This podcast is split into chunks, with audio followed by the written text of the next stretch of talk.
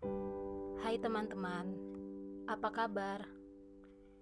Aku harap kalian baik-baik saja.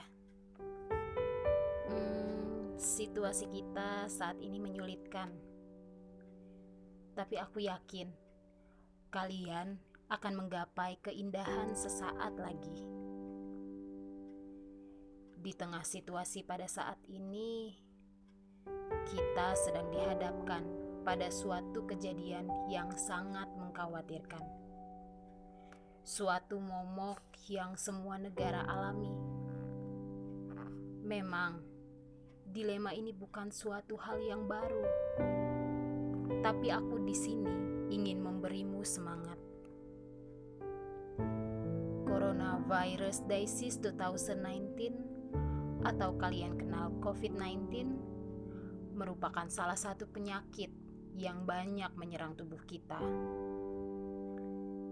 Pernapasan, tenggorokan, iya, itu hanya fisik, tetapi yang terparah adalah mental. Keresahan setiap orang belakangan ini dibangun. Manusia diporak-poranda tidak sedikit pula orang-orang yang meninggal karena virus mematikan ini. Bayangkan, semakin banyak orang-orang yang kini terkulai lemah di rumah sakit. Dengan kedayaan yang menipis, mereka masih berjuang melawan penyakit ini. Tapi aku berharap padamu supaya jangan takut Izinkan saya membacakan ini, kawan-kawan. Sebuah kutipan dari kitab suci orang Nasrani, yakni Alkitab.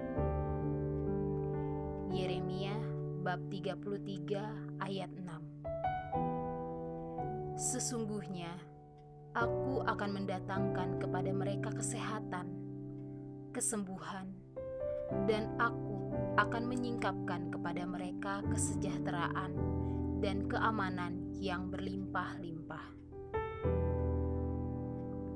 Tulisan Nabi Yeremia ini merupakan bagian dari janji Tuhan kepada umatnya saat itu.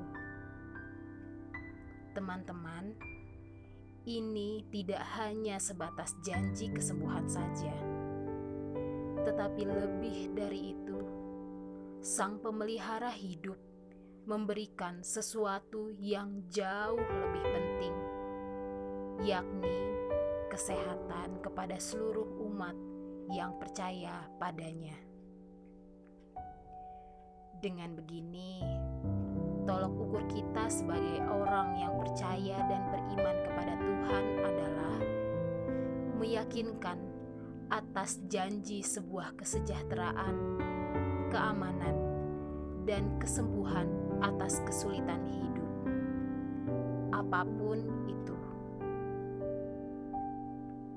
Ketika kita mengalami penyakit, adalah baik jika kita tidak takut dan berputus asa. Baiklah, kita dengan penuh keyakinan percaya pada kuasa Tuhan Allah